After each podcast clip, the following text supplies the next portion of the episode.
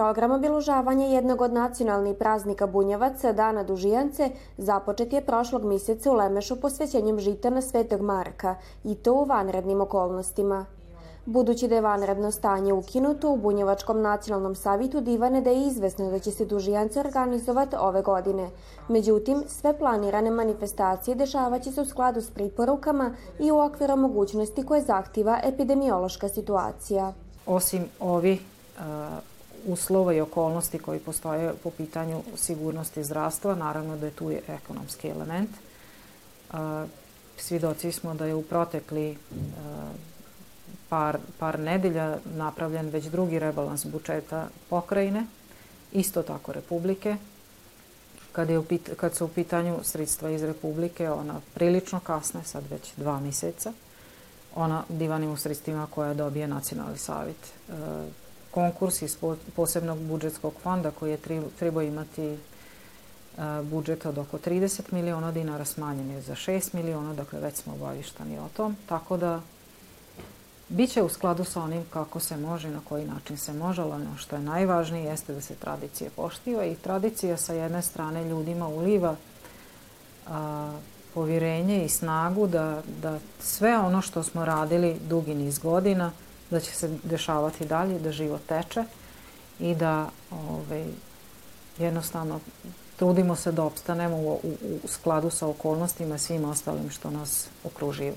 Program svi aktivnosti i manifestacije u okviru obiložavanja Dana Dužijance zvanično je objavljen. Međutim, zbog trenutne epidemiološke situacije, on nije omeđen datumima i tačnim vremenom. Ono što je sigurno to je da će se Dužijance održati po običaju 15. avgusta. Zamišljen je na kraju ovaj program za Dužijancu u smislu jednog koncerta na otvorenom, ali u, u ovom trenutku je prilično nezahvalno divaniti o tom na koji način, kako i tako dalje. Tako da ostavit ćemo prosto i vrimenu i ovoj, ovoj epidemiji da vidimo na koji način će se odvijeti, a mi ćemo se već svemu tom prilagoditi. Ukoliko to okolnosti dozvole, naredna manifestacija u okviru obiložavanja Dana Dužijance biće priskakanje vatre na Svetog Ivana Cvitnjaka u Maloj Bosni. Tačni termini održavanja svi planirani manifestacije objavit će se naknadno.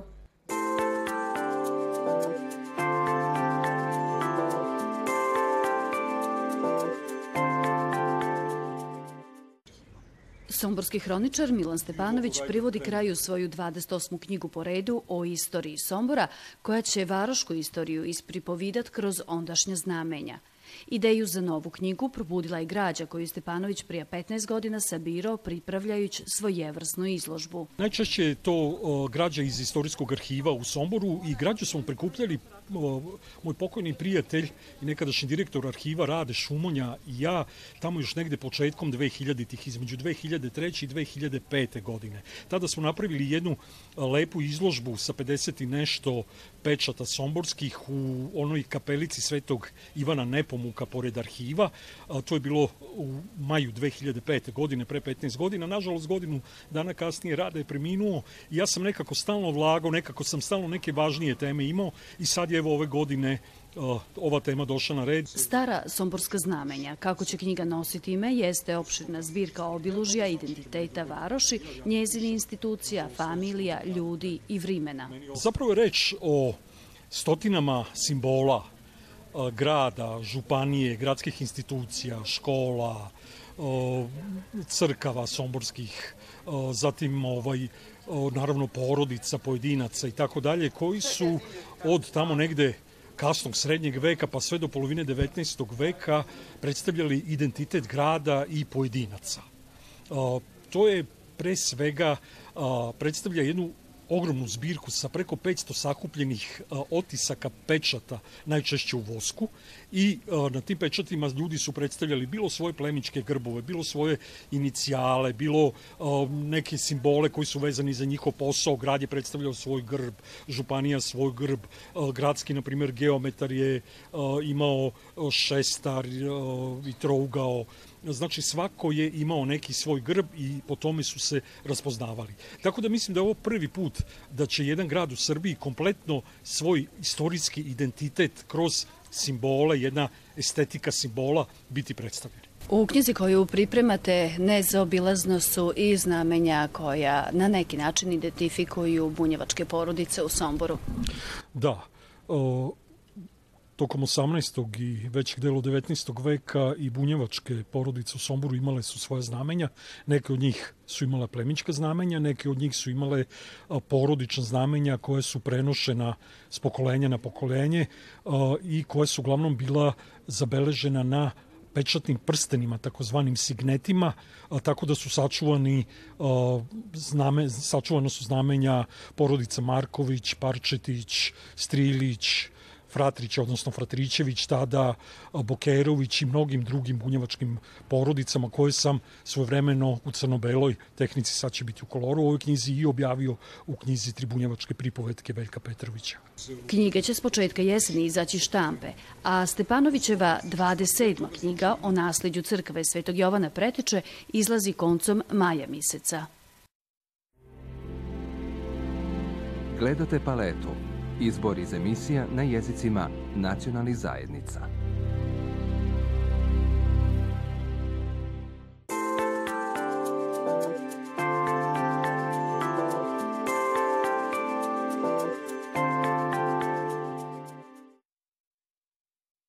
Ukidanjem vanredni mira i Sombor je oživio. Posljedice pandemije još uvijek se mogu samo pretpostavljati. Ono što je sigurno jeste da će turizam ove godine biti fokusiran na domaće goste. Na 15 salaša u neposrednoj blizini Varoši vanredno stanje poslužilo i kod dobra priprava za doček gostiju. Mogu reći da nama korona je čak pomogla nešto, a je, da salašima jako puno da se radi mimo ovih poslova kad nam dođu gosti. Tako da smo iskoristili sve ono što ne možemo da stignemo da uradimo ovaj, na salašu, da sad to odradimo dok ne dođe vreme kada budemo mogli primati goste. Ko u Varoš stigne nije u Somboru bio ako se nije provozao fijakerom, a somborski fijakeristi spremno dočekuju prve mušterije. Vole sve vužnje oko grada, kroz grad, obilazak oko grada, van grada, na kanali i tako te stvari. Što a ovaj, trenutno nije bilo ni turista ni ništa za vreme pandemije očekujemo i nadamo se da će biti neke vožnjice ili neke turističke atrakcije i tako. Upoznajmo svoje lipo okruženje, kulturu i tradiciju Vojvodine, a pogotovo severa Bačke, poruka je zaposleni u somborskom turizmu. Nuz Dunav, jel kanalsku obalu, lipe salaše, fijakere, jel paprikaše, mogla bi biti ova godina nezaboravno upoznavanje s lipotama koje nam nisu daleko od očiju, a dio su našeg vojvođanskog identiteta.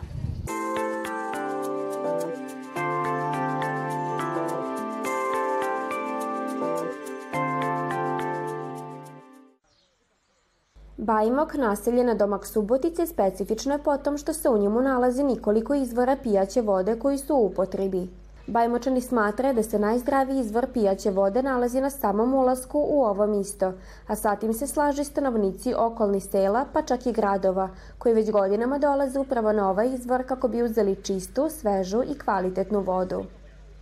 Pa za ovaj izvor znam već odavno tako kako smo putovali prema Subotici, sad momentalno tu često i tom rutom idemo, momentalno i živim i radim u Subotici, ali ova izvorska voda je odavno poznata, znači zaista je voda bez ukusa, bez mirisa i vrlo je, vrlo je ukusna, tako da mnogi ljudi, čak i Somborske opštine, Subotičke opštine, dolaze upravo na ovo mesto i uzimaju ovu dragocenu, zaista kvalitetnu vodu. Vi često dolazite?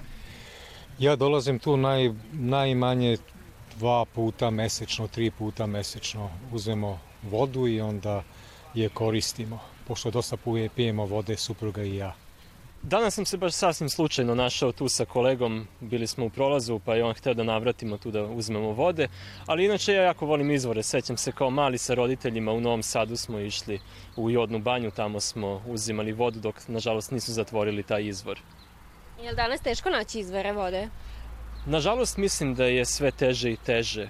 Da li zbog toga što su sve više zagađene vode i onda se proglasuju uh, neispravnim za piće ili zbog nekih drugih razloga privatizacije ili nešto, ali mislim da nažalost jeste teže. Bajmočanin Đerć Sivak je prije dvi decenije sposobio izvor vode koji se nalazi uz njegovu porodičnu kuću. Kako divani, bunar je bušen do druge vode na dubini od 32 metra i oziđen je. Ja sam finansirao bušenje bunara i još komšija malo dodao. Inače, nemo to je oko 20 godina, već bunar 2000. godine je bušeno, a ranije je bio tu bunar koji je curio 70 godina, 70 koju, ali stao je.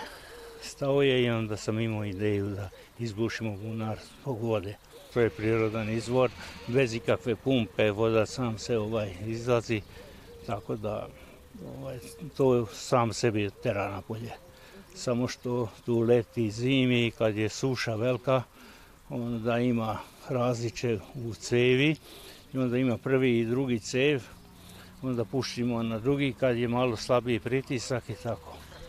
Sivak divani da ga je prije 20 godina dok je uređivo ovaj izvor vodila misle da je važno šta pijemo, idemo i udišemo. Izvor koji izvor, verovatno je zbog vode, mislim kvalitet vode zavisi to ako smo pogodili, ali u okolini nema puno izvora, tako da je to ovde se desilo i 20 godina curi. Da stanovnici Bajmoka svakodnevno dolaze na ovaj izvor i uzime vodu sa njega, potvrđiva je i sami. Dolazim ja već od kad sam saznao za taj izvor i ja dolazim redovno po vodu. Ovaj, za meni i za ženu voda je jako dobra, ukusna za vodu, može da dugo stoji, da ne menja ni ukus, ni miris, ni, ni boju, ništa. Može i do dve nedelje da stane, u, u balonima stoji i zdrava je za piće, tako da ja redovno dolazim po, nju, zato sam ja insistirao ovo da se vidi da, da znamo da imamo jednu zdravu vodu za ljudsku upotrebu. Dolazim po potrebi koliko, koliko mi treba, dolazim tako u dve nedelje ili nedeljno jednom odnesem po 20-30 litara nekoliko balona koja mogu da stoje, ta voda može da stoji dugo. A zašto? Pa zato što je ukusnija je nego ona iz cevi koje pustimo, a i može da stoji dugo, tako da e, pričali su ovde neki da je, da je ovaj, ima i neka lekovita svojstva, ali nije potvrđeno, nije, barem ja ne znam da je potvrđeno da je dokazano, ali uglavnom e, se dobro osjećam posle pića ili, ili ti dobro se osjećam dok je pijem i nemam nikakvih smetnji. Velik problem predstavlja što prolaznici koji dođu na izvor kako bi se osvežili neritko ostavljaju otpad i smeće za sobom.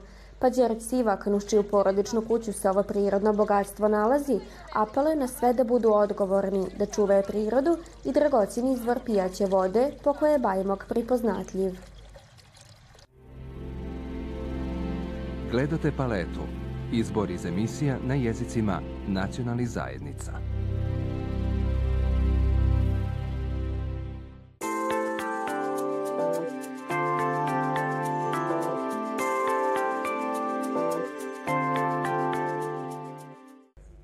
Posle dva mjeseca pauze zbog vanrednog stanja, u ponedjeljak su se članovi Kulturno-umetničkog društva Železničara Bratstvo i Subotice vratili u salu. U Bratstvo napominju da je ova odluka doneta nakon detaljnog dogovora i razmatranja, te da je urađeno sve kako bi folkloraši mogli imati bezbedne probe. Budući da se sva udruženje kulturna društva more prilagoditi novonastaloj situaciji, u Bratstvu se strogo poštive priporuke kako bi se očuvalo zdravlje svi članova.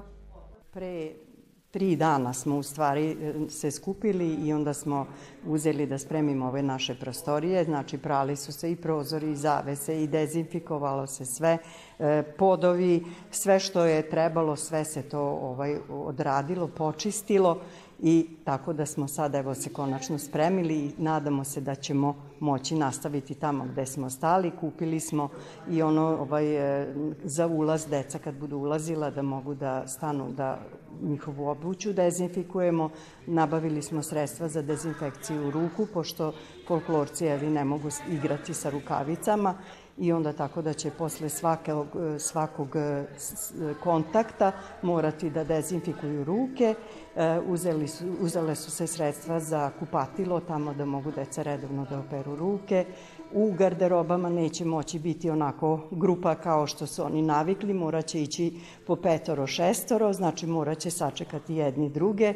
E, posle probe neće moći svoje stvari da ostavljaju tamo, nego će se moći samo presvući i sve stvari nositi e, kući sa sobom da ovaj, operu i da sledeću probu donesu ovaj, drugo. E, tuševi se neće moći, nažalost, koristiti, to su oni voleli posle probe da se istuširaju, ali nažalost sad je tako donešena odluka da se tuševi ne smeju koristiti, svako sebi mora poneti flašicu sa vodom, da ima, znači ni to ne možemo onako u čaše da kao što su oni ovaj navikli. I to je uglavnom eto to što se tiče nas. Prozori mora se provetravati ovaj sala. Posle svake probe moramo ponovo dezinfikovati podove i ovo što se naravno koriste kvake i šta ja znam. I to bi to je za sada to što smo dobili neka neka uputstva kako bi društvo trebalo da radi. Iako dva mjeseca nije bilo okupljanja u sali, bratstvo je bilo aktivno. Naime, putom Zoom aplikacije igrači su, iako svako kod svoje kuće, zajedno radili na koreografijama kako bi zadržali kondiciju i uigranost. Sam početak je bio onako dosta tmuran, što bi se reklo. Ovaj, I e, prateći situaciju, naravno u zemlji, posle šta je znam jedno tri nedelje, četiri nedelje, mi smo došli, videli smo da ljudi rade muzičari, šta je znam, preko Zoom aplikacije, pa sam se ja čuo sa folklorcima i naravno to je bilo vrlo, vrlo ovaj, pozitivno za njih i vrlo brzo su naravno, pošto oni to je omladina, on to sve znaju i tako da smo mi napravili tu Zoom aplikaciju i krenuli smo sa radom svaki dan u 18 sati, pa neki put zavisi koliko su deca imali, pošto su bili baš zauzeti sa školom od 18 pa do tu negde do pola 8. Ja sam im puštao muziku, oni su igrali, ja sam ih gledao preko ka, na kameru, sve, sve sam ih imao, šta kaže, tako da je to bilo neka, neka stvarno veliko zadovoljstvo. Radili smo uh, pa mesec dana sigurno i onda je došlo do toga da se te školski časovi pomeraju i popodne i tako dalje. I tako da su tu dosta njih opet odustali ili nisu mogli u stvari zbog škole, naravno škola je prva. I tako da sad poslednje dve nedelje nismo radili. Ali eto, prošlo je, bili su zadovoljni, svi su se odazvali, većina njih u stvari koji su mogli.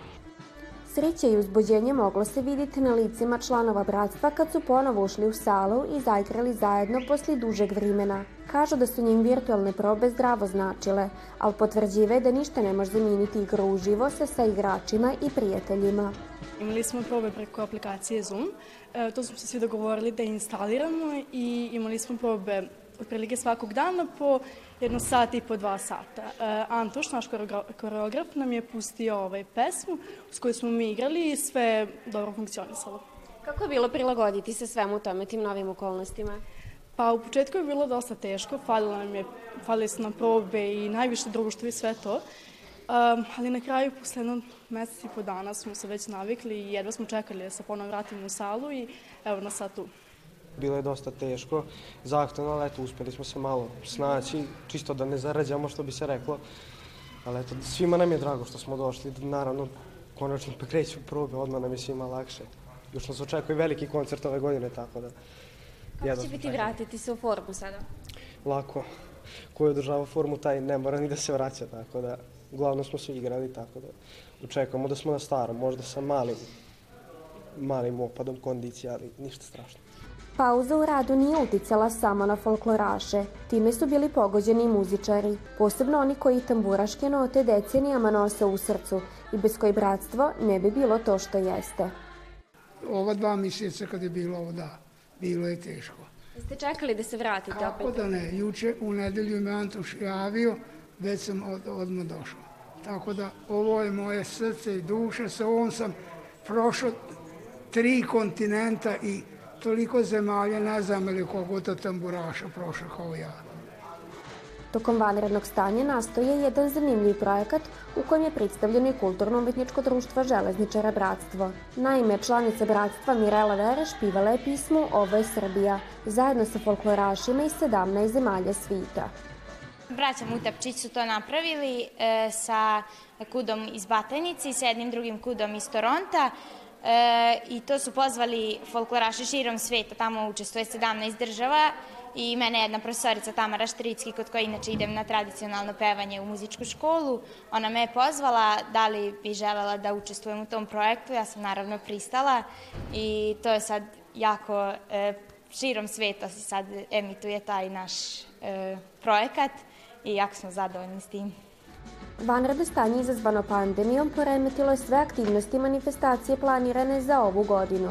A što se bratstva tiče, još uvijek je neizvesno održavanje godišnje koncerta kojim bi se obilužio značajan jubilej, 75 godina postojanja i rada. Zakazana je za 17. oktobar, međutim, teško da možemo sada da se spremimo onako kako smo planirali. Ipak 10 nedelja, dva i po meseca, tri meseca pauze e, ostavlja veliki trag e, i tu se mnogo trebalo uraditi po planu. Ništa nije urađeno, tako da vidjet ćemo da li će taj naša proslava, ta 75 godina biti, možda pomerena negde za decembar mesec ili eventualno za početak iduće godine. Iako su nastupi, gostovanje i koncerti neizvesni, Bratstvo vridno i puno entuzijazma nastavlja sa radom. Kako bi nadoknadilo izgubljeno vrime, vratilo se u formu i spremno dočekalo novu folklornu sezonu.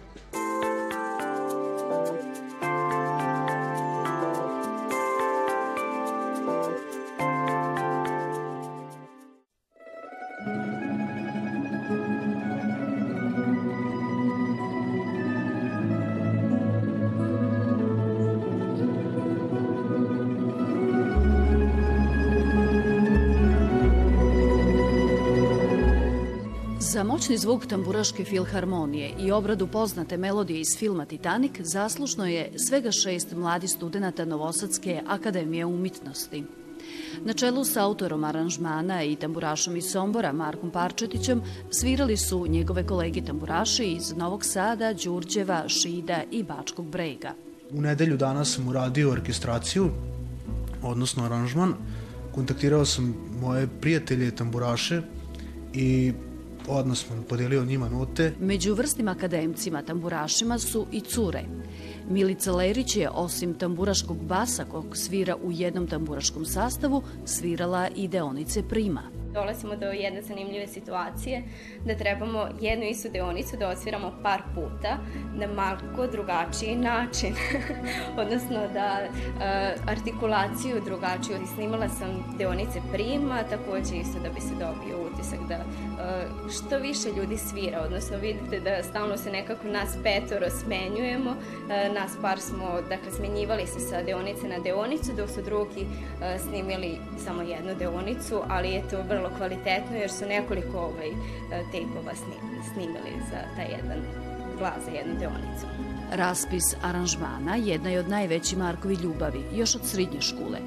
Često i pripravljan uz klavira, njegovi aranžmani su uvijek izazov koji njegovi prijatelji muzičari rado prihvataju. Ovaj projekat je bio jedna lipa ideja da se spoji zvuk tradicionalnog instrumenta kao što je tambura sa malo modernijim zvukom kao što je ova tema iz Titanika Marko Pačetić je svakako osoba koja uvek ima neke fantastične ideje i uvek svi žele da sarađuju sa njim. Upravo jedna od tih ideja je bila i ova i nadamo se da je ova mala ekipa, ali odabrano uspela da prenese deo ideje slušalcima. Marko me pozvala da radimo na projektu gde prikazujemo tamburu kroz izvođenje neobičajnog repertoara a sa njim i Vladom u studiju je uvek lepo raditi i nadam se da će biti još prilika. Ideja ovog projekta jeste to da prvenstveno mladim ljudima tamburu prezentujemo u drugom svetlu. Tamburaški orkestar, znači funkciju tamburaškog orkestra da prezentujemo na neki drugi način. Uslidila je i tamburaška obrada Merlinove pisme Lažume sa solistom Markovim drugarom Sebastianom iz Subotice. Sledeći projekat, obojen moćnim tamburaškim zvukom, za sad je mala tajna. Ono što sigurno znamo jeste da će mladi vojvođanski tamburaši ozbiljno stati na crtu pravom rock'n'rollu.